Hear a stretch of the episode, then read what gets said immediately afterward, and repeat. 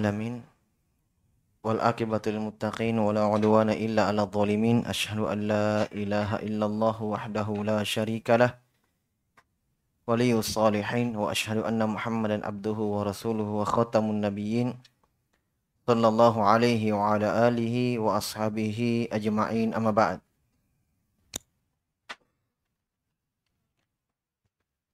Ikhwani wa akhwati fillah rahimani wa rahimakumullah. Alhamdulillah pada malam hari ini kita kembali dimudahkan oleh Allah Subhanahu wa taala untuk melanjutkan kajian rutin kita dalam membaca dan mengkaji kitab akidah yang ditulis oleh Ibnu Qudam Al-Maqdisi rahimahullahu taala dalam Lum'atul I'tiqad. Ya, sekarang kita masih di pembahasan menyebutkan kaidah-kaidah umum ya dari para salaf tentang bagaimana menyikapi ayat-ayat atau hadith-hadith dari Nabi Shallallahu Alaihi Wasallam tentang sifat-sifat Allah Subhanahu Wa Taala. Jadi Ibnu Qudamah di sini membawakan asar ucapan-ucapan para pendahulu-pendahulu kita, para salaf, yang mereka intinya sepakat bahwa dalam menyikapi, mengimani ayat-ayat atau sifat-sifat tentang ayat-ayat atau hadith-hadith tentang sifat-sifat Allah Subhanahu wa taala yaitu al-imrar, al-iqrar wal imrar, yaitu meyakini dan membiarkannya. Tentunya kita sudah paham ketika disebutkan membiarkannya. Bukan menolaknya ya. Tapi imror wal ikrar yaitu meyakini dulu mengimaninya bahwa semua sifat-sifat itu ada untuk Allah Subhanahu wa taala. Nah, baru imror membiarkannya itu tanpa menolaknya, tanpa menyerupakan dengan makhluk. Ya, dan tanpa mendatangkan pemaknaan-pemaknaan yang tidak sesuai dengan yang Allah Subhanahu wa taala inginkan dari sifat-sifat tersebut. Sebab Allah Subhanahu wa taala lebih tahu tentang dirinya. Tentang dirinya. Terus kalau kita ditanya, terus apa yang Allah inginkan? Kalau kita mengatakan, kalau kita datangkan makna yang baru, makna yang lain tentang sifat itu, berarti tidak sebagaimana yang Allah inginkan. Terus yang Allah inginkan apa? Antum mau jawab apa? Yang Allah inginkan adalah yang tersirat pada konteks dalam ayat yang kita bahas dibahasakan oleh para ulama dengan zahir. Paham? Itulah yang Allah inginkan. Ketika Allah sebutkan di dalam Al-Quran tentang Allah punya tangan, Allah mendengar, Allah melihat, itu Allah inginkan. Kenapa? Karena tidak Allah menurunkan Al-Quran, tidak Allah mengkhitab ya, hamba-hambanya dalam Al-Quran, kecuali dengan bahasa yang di, untuk dipahami. Bahasa yang paling mudah. Kan begitu? Berarti ketika Allah khitab kita, Allah sebutkan dalam Al-Quran, dan Al-Quran itu untuk dibaca dan tadaburi, ya berarti itulah yang Allah inginkan dalam Al-Quran. Maka itulah yang wajib kita pahami dan kita yakini, kita imani untuk Allah Subhanahu wa taala. Maka kalau kita selewengkan maknanya, kita datangkan pemaknaan-pemaknaan yang sesuai dengan yang kita inginkan, sesuai dengan hawa nafsu manusia, ya maka dikatakan itu terjadi penyelewengan dalam sifat-sifat Allah Subhanahu wa taala, tidak sebagaimana yang Allah inginkan. Seperti mereka katakan ketika Nabi mengatakan sallallahu bahwa Allah turun di langit dunia, kata mereka yang turun bukan Allah, tapi wahyunya, tapi malaikatnya, tapi perintah dan larangannya banyak.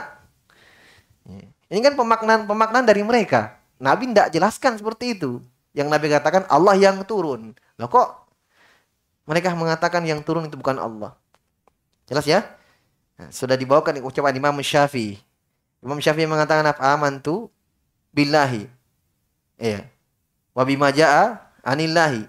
Ala muradillah. Saya beriman kepada Allah dan saya beriman kepada apa yang datang dari Allah. Sesuai dengan apa yang Allah inginkan. Wa amantu bi Rasulillah wa bima ja'ani Rasulillah wa ala muradi Rasulillah sallallahu alaihi wasallam. Kata Imam Syafi'i, saya juga beriman kepada Nabi sallallahu alaihi wasallam dan apa yang Nabi bawa sesuai dengan apa yang Nabi inginkan. Jelas ya? Taib. Ya, yang terakhir kita sebutkan yang beliau sebutkan di sini ucapan Imam Al-Auza'i. Ya, Imam Al-Auza'i ini seorang tabi'in. Beliau mengatakan, "Alaika bi athari man salaf wa in rafadhakan nasu wa iyyaka wa ara'ar rijal wa in zakhrafu laka bil qaul." Ini ucapan yang sangat indah ya. Kata beliau, wajib atasmu mengikuti athar jejak-jejak para salaf, para pendahulu kita yang saleh. Walaupun manusia menolakmu. Dan hati-hatilah dari pendapat-pendapat manusia. Pendapat-pendapat manusia selain Rasul sallallahu alaihi wasallam dan para sahabatnya. Hati-hati. Wa in zakhrafuhu laka bil qaul walaupun mereka menghiasimu menghiasi ucapan-ucapan itu untukmu dengan ucapan yang menipu. Terus ya?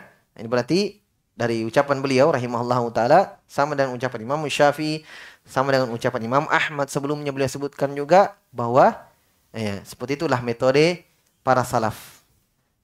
Ya.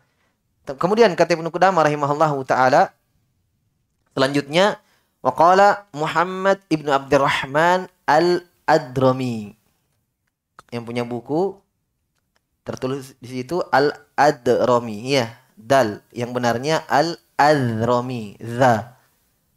Za. Al-Azrami. Ya, mungkin uh, Ibnu Qudamah rahimahullah ta'ala sabakul qalam atau sabakul lisan atau mungkin yang menukil dari Ibnu Qudamah mungkin salah keliru dalam meletakkan titik.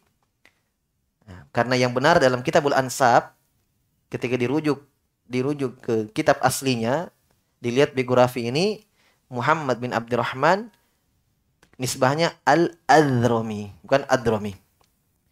Ya. Dan namanya Al-Adromi ini Abdullah bin Muhammad bin Ishaq. Dan kemungkinannya ini yang beliau inginkan. Di situ beliau tulis Muhammad bin Abdurrahman. Ya, tapi namanya Abdullah ibn Muhammad ibn Ishaq Al-Adromi. Dia terkenalnya dengan nisbahnya. Kampungnya ya. Al-Adromi. Ini imam. Akidahnya lurus ya al adrom ini akidahnya lurus. Beliau berkata kepada seorang seseorang yang takallama bid'ah. Yang seseorang ini meyakini satu bid'ah. Yaitu bid'ah khalqul Quran. Al-Quran adalah makhluk. Itu bid'ahnya. Walaupun Ibnu Qudamah tidak sebutkan, tapi ini ma'ruf. Bahwa ini yang beliau akan yang akan kita baca ini adalah Al-Adrami rahimahullah berdebat dengan satu salah satu ahlul bidah ya. Iya. Namanya Ahmad Ibn Abi Duad. Ini dia. Ibn Abi Duad ma'ruf, pentolan Jahmiyah, meyakini Al-Qur'an adalah makhluk. Hanya Ibnu Qudama tidak sebutkan namanya, tapi itu yang diinginkan. Paham? Ahmad bin Abi Duad. Jadi Al-Adrami berkata kepada dia, Ahmad bin Abi Duat yang meyakini Al-Quran adalah makhluk. Sementara Al-Quran adalah firman Allah subhanahu wa ta'ala bukan makhluk. Al-Adrami rahimahullah berkata kepada dia. Iya. Orang yang mengatakan Al-Quran adalah makhluk ini. Dan dia da'an nasa ilaiha. Dan dia mengajak manusia untuk meyakini ini. Nah, ini baru dikatakan mub tadi. Asli. Iya. Ahlul bidah. Kenapa? Karena dia mengajak manusia untuk mengikuti bid bid'ahnya. Jelas ya? Taib. Maka Al-Adrami mengatakan, eh, ini perhatikan ya, bahwa Hujjal Al-Adrami rahimahullah, pertanyaan-pertanyaannya ini pertanyaannya ya yang hendaknya kadang juga kita bisa terapkan pada ya, orang yang kita nasihati tentang bid'ah yang dia lakukan. Bisa. Makanya inilah salah satu sebab kenapa Ibnu Qudamah rahimahullah membawakan kisah ini. Yang kesimpulannya bahwa Al-Adrami rahimahullah memahami dan meyakini sebagaimana ucapan para salaf yang lain yang beliau sebutkan. Jadi Al-Adrami berkata kepada Ahmad Ibn Abi Duad, tentang bid'ah yang kamu yakini. Hal alimah Rasulullah sallallahu alaihi wasallam wa Abu Bakrin wa Umar wa Uthman wa Ali au lam ya'lamuha. Pertanyaan pertanyaannya, ini pertanyaan menjebak. Al-Adrami rahimahullah mengatakan, bid'ah yang kamu yakini, bid'ah apa tadi? Al-Quran adalah makhluk. Nanti ada babnya tentang Al-Quran. Ya, bahwa Al-Quran itu kalamullah. Firmannya Allah bukan makhluk. Siapa yang mengatakan Al-Quran adalah makhluk kafir. Jelas? Ya, dalam Al-Quran itu dikatakan firman Allah Subhanahu wa taala. Al-Quran adalah ucapan Allah. Al-Adhar mengatakan, apakah yang kamu yakini ini? Nabi tahu, Abu Bakar, Umar dan Utsman dan Ali. Atau mereka tidak tahu? Saya ulangi pertanyaannya, apakah Rasulullah, Abu Bakar, Umar dan Utsman dan Ali tahu bid'ah yang kamu yakini atau mereka tidak tahu? Qala dia menjawab, lam ya'lamuha. Mereka tidak tahu. Berarti kan sudah masuk ke lubang kan? Iya kan? Masa kamu tahu mereka tidak? Ya kamu saja yang jadi rasul kalau begitu. Ya kan terjebak dia. Apakah mereka tahu atau tidak? Dia jawab, tidak tahu. Al-Adham yang bertanya pertanyaan kedua. Qala, fasyai'un lam ya'lamhu haula. A'lim tahu anta. Sesuatu yang mereka tidak tahu, Rasul SAW, Abu Bakar, Umar, Utsman dan Ali. Kamu tahu? Kaulah rojul, dia sudah merasa ya, terjebak, ya. Fa ini akulu kode alimuha.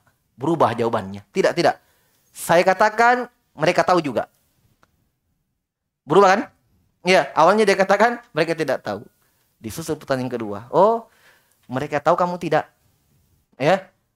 Atau mereka tidak tahu kamu tahu. Dia berubah. Dia katakan, tidak kalau begitu, saya jawab, saya ulangi jawaban saya.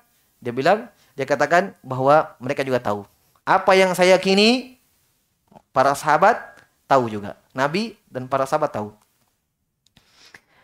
Pertanyaan ketiga, kata Allah rahimahullah, Qala afawasi'ahum alla yatakallamu bihi wa la yad'un nasa ilaihi am lam yasa'ahum Katalah Dromi, sekarang kamu katakan mereka tahu. Yang kamu yakini ini Al-Quran adalah makhluk. Rasulullah SAW, Abu Bakar, Umar, dan Utsman dan Ali tahu. Sekarang sesuatu yang mereka tahu, yang mereka tahu ilmunya, sebagaimana yang kamu yakini, apakah mungkin untuk mereka itu diam, tidak mengajak manusia kepada apa yang mereka tahu itu, atau tidak boleh mereka diam. Dalam artian wajib mereka sampaikan. Paham? Paham pertanyaannya? Sekarang kan Al-Bidah ini mengatakan mereka juga tahu apa yang saya yakini. Nah sekarang disusul pertanyaan dari Al-Adrami. Mereka tahu satu pembahasan, satu ilmu. Nabi dan para sahabatnya. Apakah mungkin mereka untuk diam dan tidak mengajak manusia terhadapnya? Atau tidak boleh mereka diam? Wajib jelaskan kepada manusia. Apa jawaban ahli bidah ini? Bal wasi'ahum. Mungkin. Mungkin apa? Hah? Mungkin apa? Mungkin mereka diam. Mungkin mereka sembunyikan. Mungkin. Terserah mereka. Itu kalau kita jawab bahasakan. Terserah mereka. Bisa mereka tahu, mungkin mereka diam. Boleh mereka diam. Paham maksudnya? Paham ya? Bisa? Ini jawabannya. Ya. Maka Al-Adham rahimahullah mengatakan, Fasyai'un wasi'a Rasulullah sallallahu alaihi wasallam khulafa'ahu la yasaku anta. Nah sekarang al alul bidah ini kan mengajak manusia kepada bid'ahnya. Ya kan? Dia ajak, dia pengaruhi manusia untuk meyakini Al-Quran adalah makhluk. Sementara mereka katakan Nabi juga tahu apa yang saya yakini, tapi Nabi diam. Apa maksudnya? Abu Bakar, Umar, dan Utsman dan Ali diam. Saya sampaikan kepada manusia, mereka diam. Nah, Allah Ta'ala mengatakan kalau begitu, apakah kok mereka diam, kamu berbicara? Paham? Mereka tidak mengajak manusia kepada apa yang mereka yakini, sebagaimana yang kamu katakan. Nah, kamu ajak manusia di situ. Pangkot rojul. Maka orang ini tidak bisa lagi menjawab. Pokoknya, ya, semua jawaban-jawabannya selalu mengarah kepada apa? dia yang lebih pintar daripada Siapa? Nabi dan para sahabatnya. Dia yang lebih pintar daripada Nabi dan para sahabatnya. Nabi diam, Abu Bakar diam, Umar diam, Utsman diam, Ali bin Abi Thalib diam, semuanya diam. Kamu ajak manusia kepada itu. Dan perdebatan ini dalam kisah yang lengkapnya di depan di depan Amir. Di depan pimpinan negara pada waktu itu. Ya, maka Ibnu Qudamah fangqata'ar rajulu. Orang ini pun terputus hujahnya. Maksudnya tidak bisa membahas lagi, menjawab lagi tidak bisa.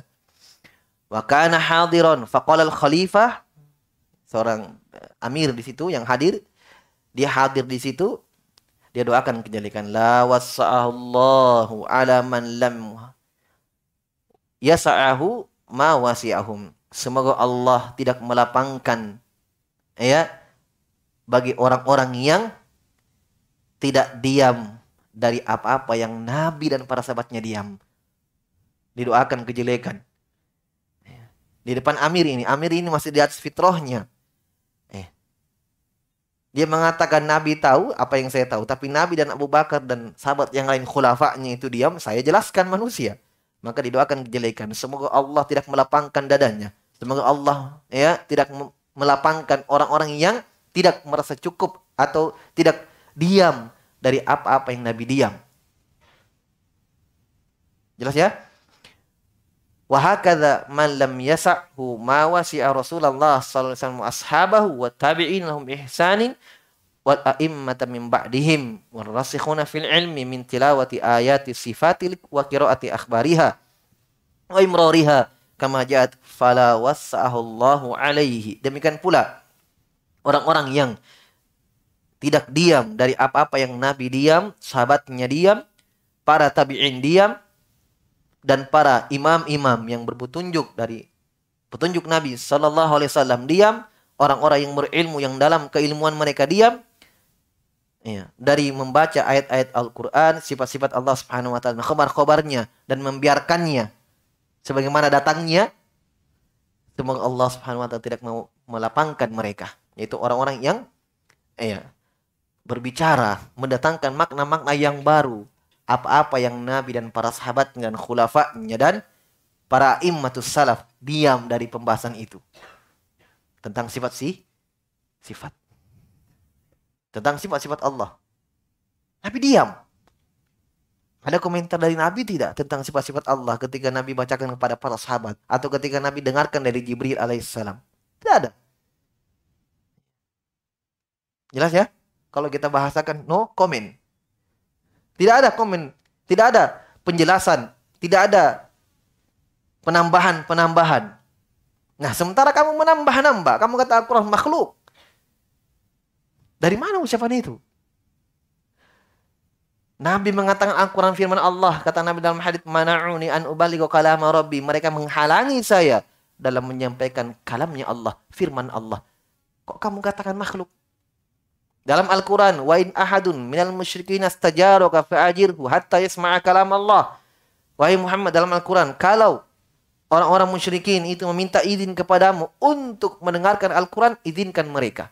Untuk mendengarkan kalamnya Allah, izinkan mereka. Sampai mereka mendengarkan kalam Allah. Firman Allah subhanahu wa ta'ala.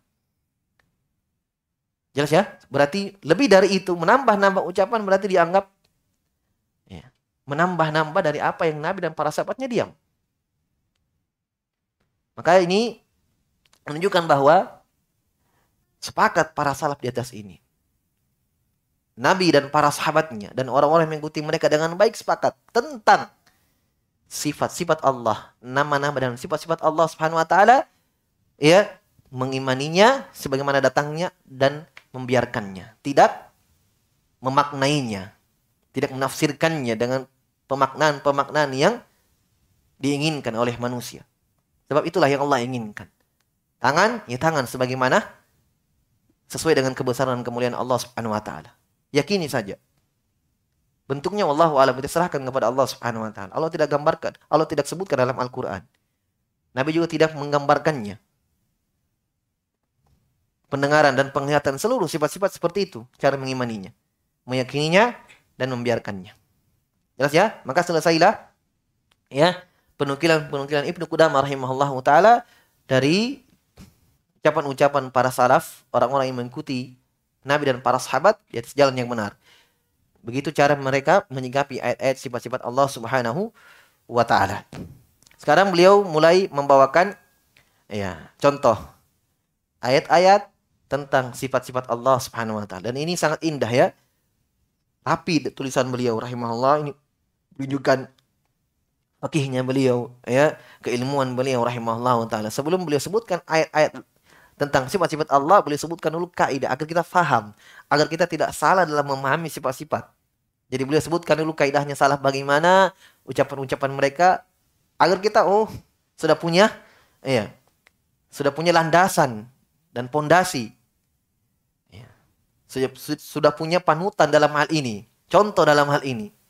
Nah, barulah mereka eh, barulah beliau rahimahullah taala membawakan apa? Contoh-contoh ayat-ayat sifat-sifat Allah Subhanahu wa taala yang wajib kita yakini sebagaimana kaidah yang sudah berlalu. Itu membiarkannya, mengimaninya dan membiarkannya. Kata beliau, "Fa mimma jaa min ayati sifat qaulullahi azza wa jalla wa yabqa wajhu rabbika." Masya Allah. Langsung pertama tentang wajah. Kata beliau rahimahullah dan dari ya dari min Mimma itu min dan ma bergabung jadi di digom jadi mimma. Ya. Dari maksudnya bagian atau sebahagian ayat-ayat sifat. Ini isyarat dari Ibnu Qudama bahwa tidak semua yang saya bawakan di sini, tidak semua ayat-ayat sifat saya bawakan di sini, cuma beberapa saja.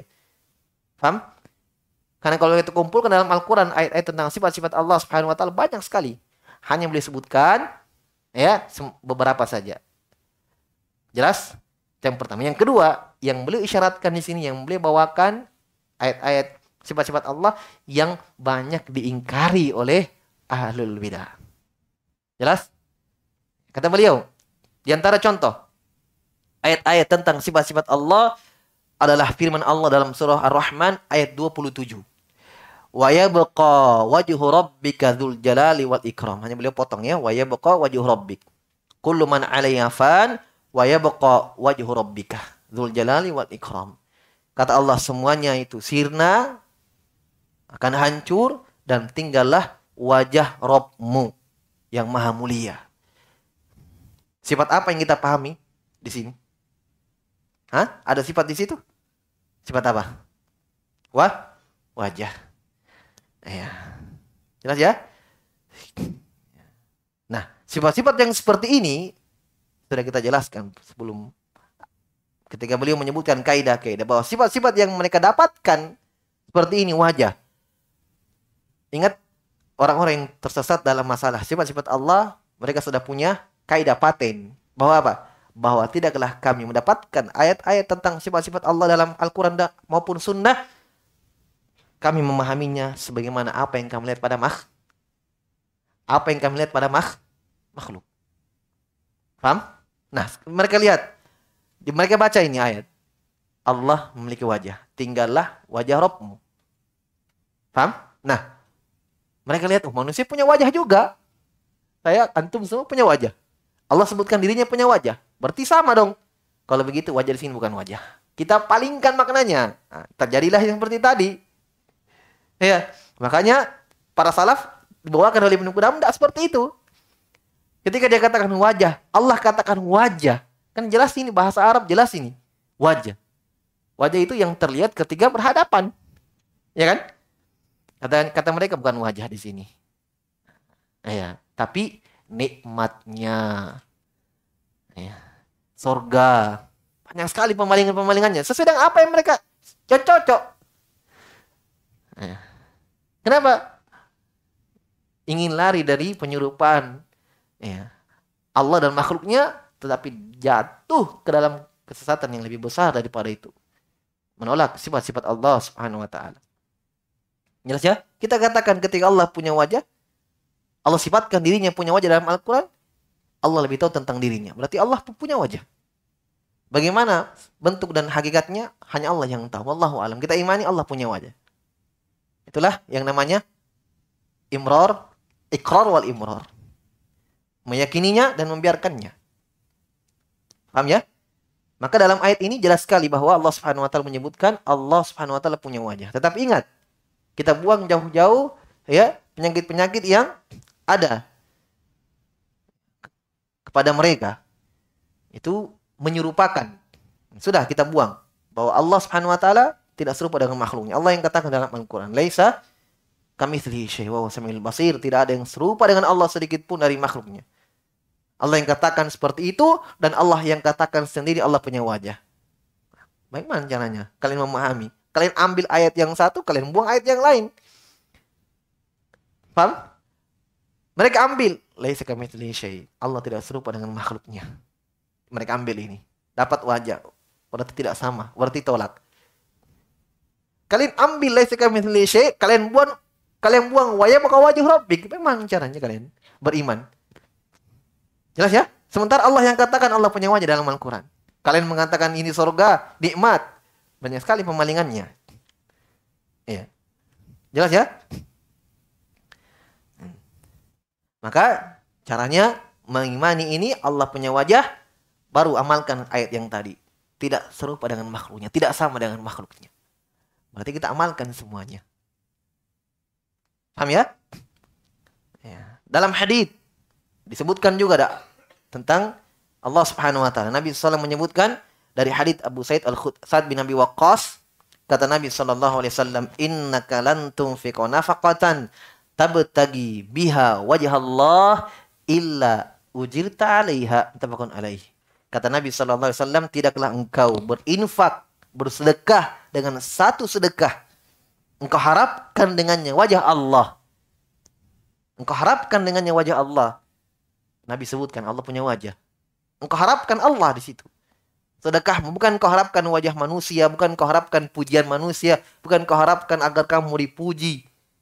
Tidak, kamu sedekah hanya mengharapkan Allah. Agar Allah membalas, berikan pahala. Maka kata Nabi SAW kecuali pasti engkau dibalas dengan itu. Ini anjuran untuk ikhlas dalam bersedekah. Ya, tidak menampakkannya agar menutup pintu-pintu ria.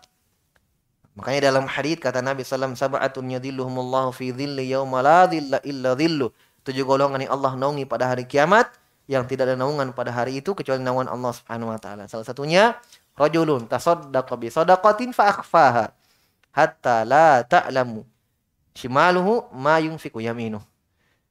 Seorang yang bersedekah dan dia sembunyikan sedekahnya Sampai tangan kirinya pun tidak tahu apa yang disedekahkan tangan kanannya. Maksudnya orang yang dekat pun tidak tahu. Ya. Ini maksudnya ya, agar tertutup ya pintu-pintu ria agar dipuji supaya membawa dia lebih ikhlas kepada Allah Subhanahu wa taala.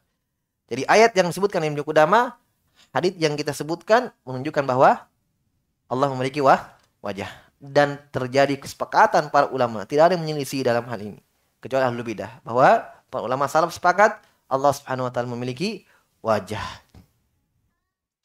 Ya. Ada seorang yang mengatakan begini.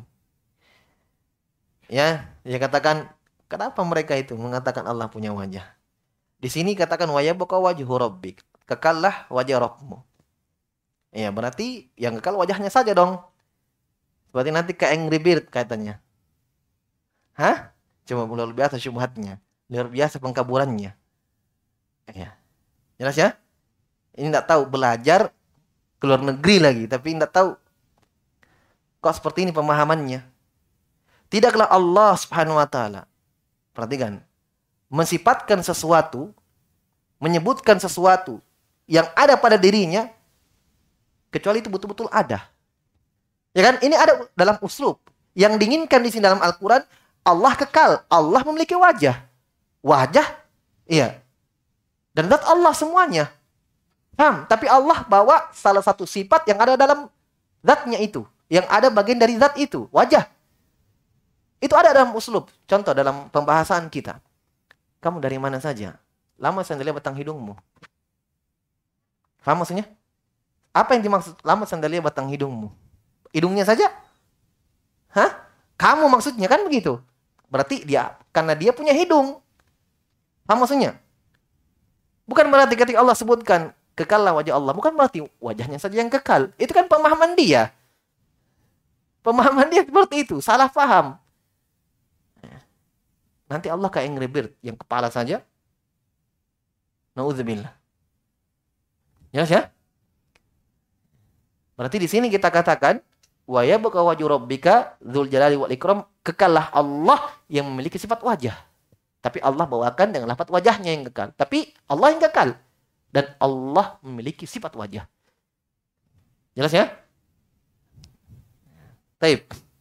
Dan ini yang berdasarkan dengan Al-Quran dan Sunnah. Dan kesepakatan para salaf. Ya, jadi kesimpulannya, ayat yang beliau bawakan di sini menetapkan bahwa Allah Subhanahu wa taala memiliki sifat wajah sesuai dengan kebesaran dan kemuliaan Allah Subhanahu wa taala. Dalam hadis-hadis banyak ya kata Nabi SAW hijabuhu nur.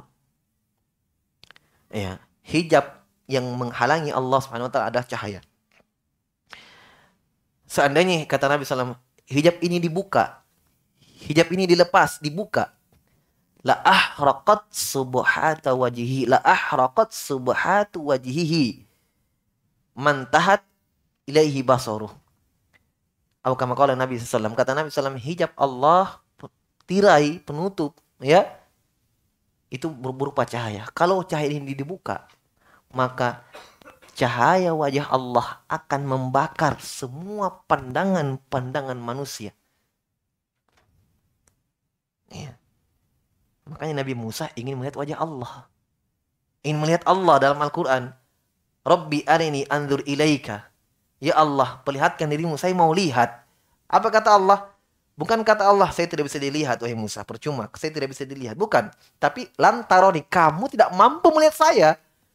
Nanti akan ada pembahasan tentang melihat Allah pada hari kiamat. Jelas ya? Kata Allah, kamu tidak mampu melihat saya. Walakin dur ilal jabal. Kata Allah, lihatlah ke gunung. Fa ini makanahu fasafataroni. Kalau gunung itu tetap pada tempatnya, kamu akan lihat saya. Kata Allah, falamma tajalla lil jabali ja'alahu dakka fakharra Musa sa'iqa. Kata Allah, tatkala Allah Subhanahu wa taala menampakkan wajahnya, menampakkan dirinya di gunung itu, ja'alahu dakka hancur gunung itu menjadi berkeping-keping. Musa pingsan. Tidak mampu. Allah sudah katakan kamu tidak mampu melihat saya. Gunung saya tidak mampu. Hancur. Jelas ya? Ini semua dalil bahwa Allah SWT memiliki wajah yang hakiki. Bukan ungkapan perumpamaan, bukan. Hakiki. Tetapi bentuk dan hakikatnya sesuai dengan kebesaran dan kemuliaan Allah Subhanahu wa taala dan tidak ada yang pernah melihatnya. Tidak ada yang pernah melihat Allah Subhanahu wa taala. Kemudian Ibnu Qudamah berkata, sifat yang kedua, wa qaluhu subhanahu wa ta'ala bal yadahu mabsutatan. Bal yadahu mabsutatan dalam surah Al-Maidah ayat 64. Kata Allah, bahkan kedua tangan Allah terhampar. Sifat apa kira-kira ini? Hah? Sifat tangan. Ahsan tumbarakallahu fiik. Sifat tangan. Eh, tentunya sifat-sifat yang seperti ini yang pertama kali langsung ditolak oleh alul bidah. Ya kan? Karena mereka saksikan ada pada makhluk. Mereka saksikan ada pada makhluk. Maka sifat-sifat yang seperti ini ini yang mereka paling anti untuk menetapkan. Yang mereka saksikan nyata ada pada makhluk, ya mereka tolak. Walaupun penolakannya kita sudah jelaskan di antara mereka berbeda-beda dalam menolak menolaknya. Ada yang menolak secara langsung seperti Jahmiyah Allah tidak bersifat dengan tangan, wajah, pendengar, melihat. Tidak, semua tidak ada. Ya. Ada yang menolaknya dengan mendatangkan makna-makna yang baru seperti orang-orang Asy'ariyah. Ya, dia katakan tangan di sini bukan tangan tapi apa? Nikmat. Tangan di sini bukan tangan tapi kekuatan, kemampuan. Ya. Tapi hakikatnya sama menolak. Menolak sama saja. Jelas ya? Nah, sekarang ayat ini dibawakan oleh beliau rahimahullah untuk menetapkan sifat tangan untuk Allah Subhanahu wa taala. Ayat ini ada kesempurnaannya, ada uh, sebelumnya yaitu kata Allah Subhanahu wa taala wa qalatil yahudu yadullahi gullat aydihim malu'inu bima qalu bal yadahu mabsutatani yunfiku kaifa yasha. Kata Allah orang-orang Yahudi mengatakan tangan Allah terikat terbelenggu. Kata Allah gullat aydihim, tangan mereka lah yang terikat, terbelenggu. Walu'inu bima qalu. Mereka dilaknat dengan apa yang mereka katakan. Kemudian kata Allah bal yadahu. bahkan kedua tangan Allah terhampar. Jelas? Allah memberikan pemberian kepada siapa yang Allah inginkan, kehendaki. Maka kita katakan Allah Subhanahu wa taala memberi, memberikan pensifatan untuk dirinya dalam Al-Qur'an bahwa Allah memiliki tah, tangan. Berarti yang wajib untuk kita menetapkan itu. Allah yang lebih tahu tentang dirinya. Ya, Nabi dan para sahabat menetapkan itu tanpa mereka komentari, tanpa mereka katakan kemampuan, kan, tanpa mereka katakan oh ini ya nikmat. Ya. Kalau kita katakan nikmat, berarti nikmat Allah dua, cuma dua. Karena di sini bal yadahu. Yada asalnya yadani hu. Paham? Yang belajar bahasa Arab. Yadani hu, hu itu kembali kepada Allah ya, kata ganti. Bahkan kedua tangannya hanya nunnya hilang. Paham? Nunnya hilang. Asalnya yadani hu. Nah, nunnya hilang. Jadi langsung ada domir kata ganti. Jadi yadahu. Paham? Jadi yadani itu dua. Ya, karena dalam bahasa Arab kalau ingin menambah sesuatu itu dua, tinggal tambahkan alif dan nun. Baitun satu rumah. Ya, dua rumah baitani. Paham? Muhammad, dua Muhammad, Muhammadani. Ahmad, satu. Dua Ahmad, Ahmadani. Paham? Jadi tinggal alif dan nun sudah dua. Ya. Paham? Nah ini tangan di sini juga dua. Ada alif dan nunnya. Nunnya dihilangkan. Berarti Allah menyebutkan dua tangan Allah. Allah subhanahu wa ta'ala. Paham? Nah kalau mereka katakan nikmat. Baik, coba kita baca. Kita maknakan sebagaimana yang mereka katakan. Bahkan kedua nikmat Allah. Berarti nikmat Allah dua. Jelas ya? Nah.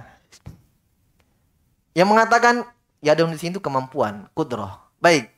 Bahkan kedua kudroh Allah terhampar. Berarti kemampuan Allah cuma dua? Yes ya? Anggap kalian bisa selewengkan ini. Se kalian selewengkan silahkan.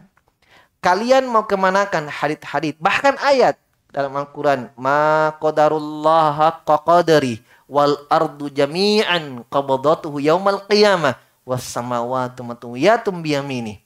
Subhanahu wa ta'ala musyrikun. Kata Allah, mereka belum mensifatkan Allah sebenar-benar dengan sebenar-benarnya. Wal ardu jami'an qabdatuhu yaumal qiyamah. Bumi digenggam oleh Allah pada hari kiamat.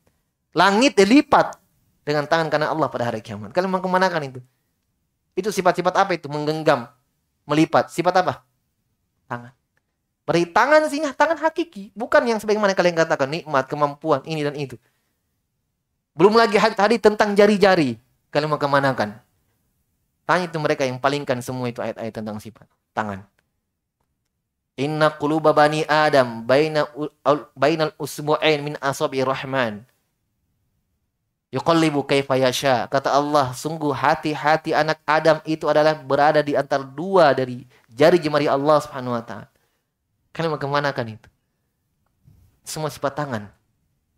Jelas ya? Nah, taib. Maka dengan ayat ini menunjukkan bahwa ya Allah Subhanahu wa taala memiliki sifat tangan. Dalam hadis banyak, dalam hadis perhatikan, dalam hadis contohnya yang dikeluarkan oleh Bukhari dan Muslim kata Nabi sallallahu yaminullahi mal'a la yagituha nafaqatan. La yagituha nafaqatun saha al-lail wan nahar. Biyadihil ukhra al-qabdu wa yarfa'u wa yakhfid kata Nabi sallallahu tangan kanan Allah itu penuh dan tidak berkurang sama sekali dengan pemberian yaitu ketika Allah memberikan hamba-hambanya dari nikmat-nikmatnya tidak berkurang sama sekali tangan kanan Allah Subhanahu wa taala dari pemberian itu. Saha al-lail wan nahar sepanjang malam dan siang walaupun Allah memberi siang dan malam pagi sore Allah memberi nikmat betapa banyak nikmat Allah Subhanahu wa taala tidak berkurang. Kata Nabi sallallahu alaihi dengan tangannya yang lain Allah menggenggam dan mengangkat dan menghinakan. Faham? Jelas ya? Berarti ini jelas dalam Al-Quran dan Sunnah didukung oleh hadith-hadith menetapkan bahwa Allah Subhanahu Wa Taala memiliki iya dua tangan, memiliki dua dua tangan. Iya. Maka kita katakan dan para ulama bersepakat bahwa tangan Allah Subhanahu Wa Taala itu dua. Sepakat. Ya, dinukil kesepakatan oleh para ulama bahwa tangan Allah bukan tiga, bukan empat, bukan lima, bukan satu, bukan dua. Dalilnya mana? Dalam Al-Quran dua, dalam hadits dua. Nah, permasalahannya kita menjawab bagaimana kita jawab ayat-ayat dalam Al-Quran yang menyebutkan tangan ada dengan lafaz satu, tunggal, mufrad, ada dengan lafaz banyak, jamak. Jamak itu berapa paling sedikit? Tiga ke atas. Walaupun ini ada khilaf ya, ada sedikit perselisihan. Ada yang mengatakan jamak itu dua paling minimalnya. Dalilnya salat jamaah.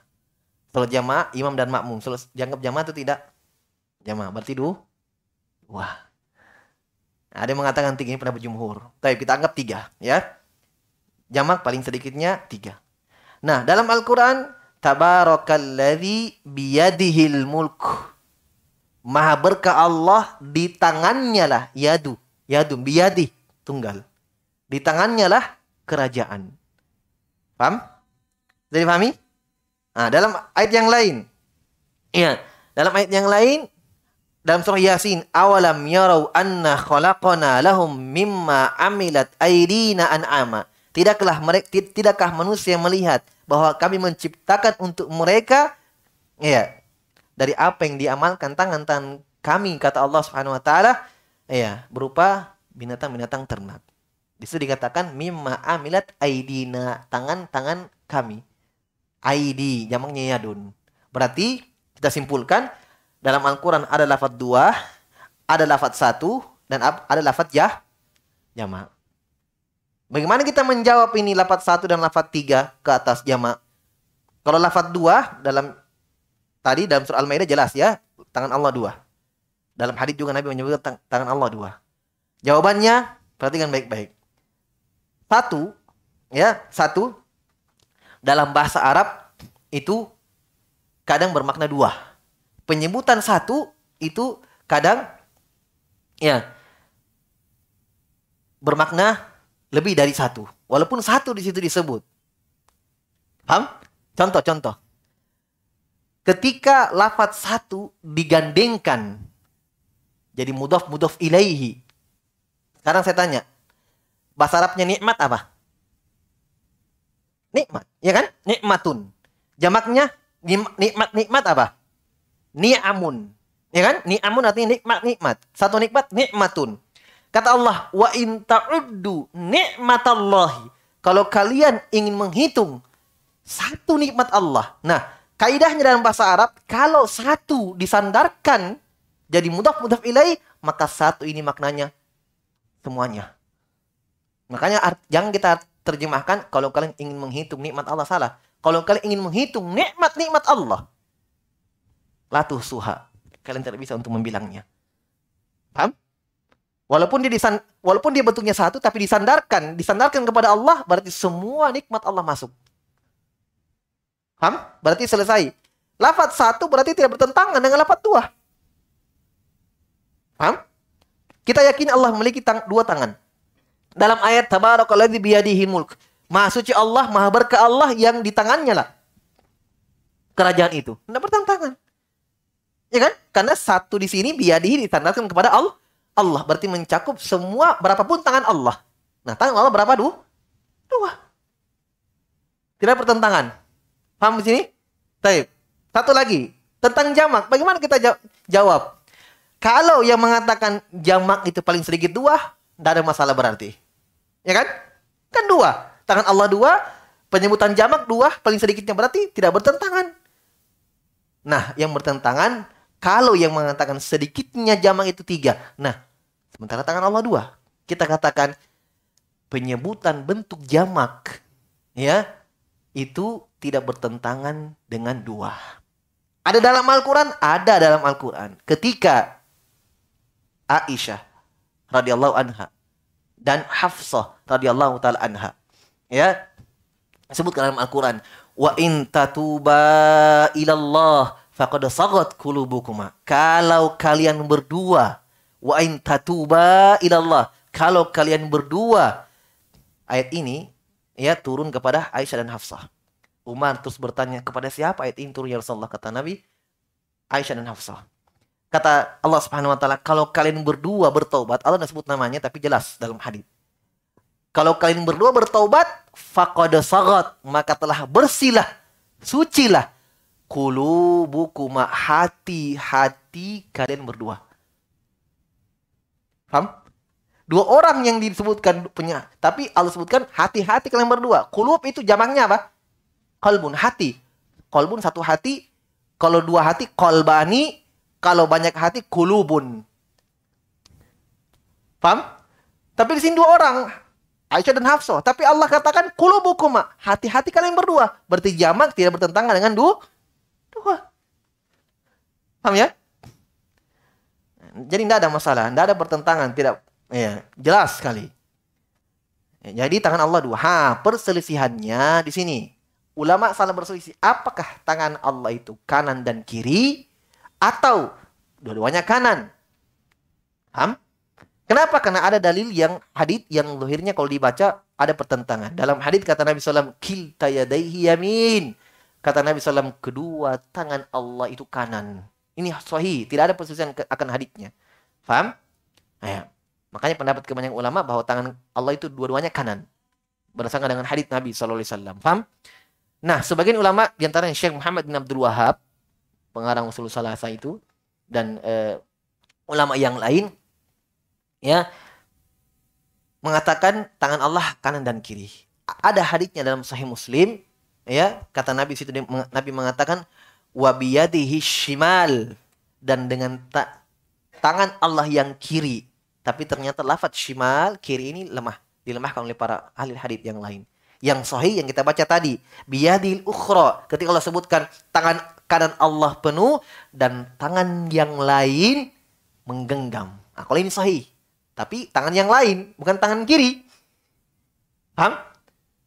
Jelas ya? Maka pendapat yang kuat bahwa tangan Allah keduanya kanan sebagaimana yang Nabi katakan kilta yadaihi yamin. Kedua tangan Allah itu kanan.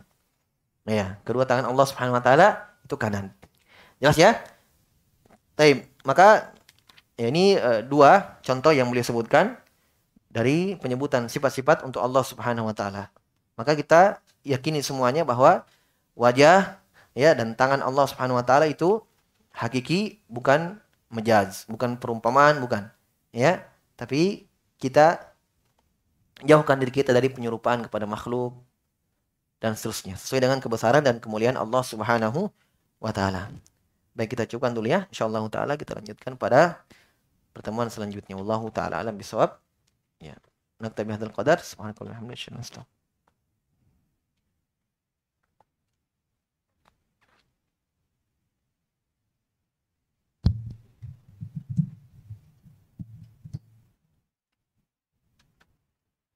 الله أكبر الله أكبر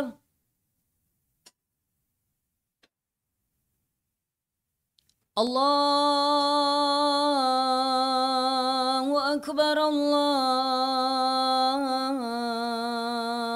أكبر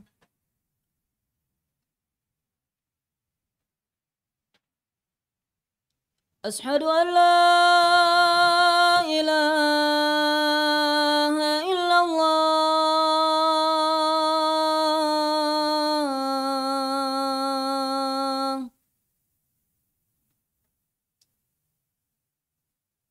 أشهد أن لا إله إلا الله.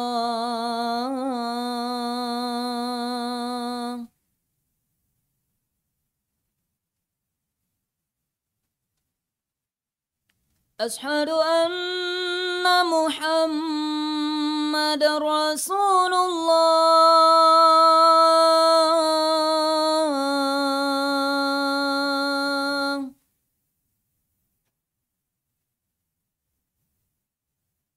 أشهد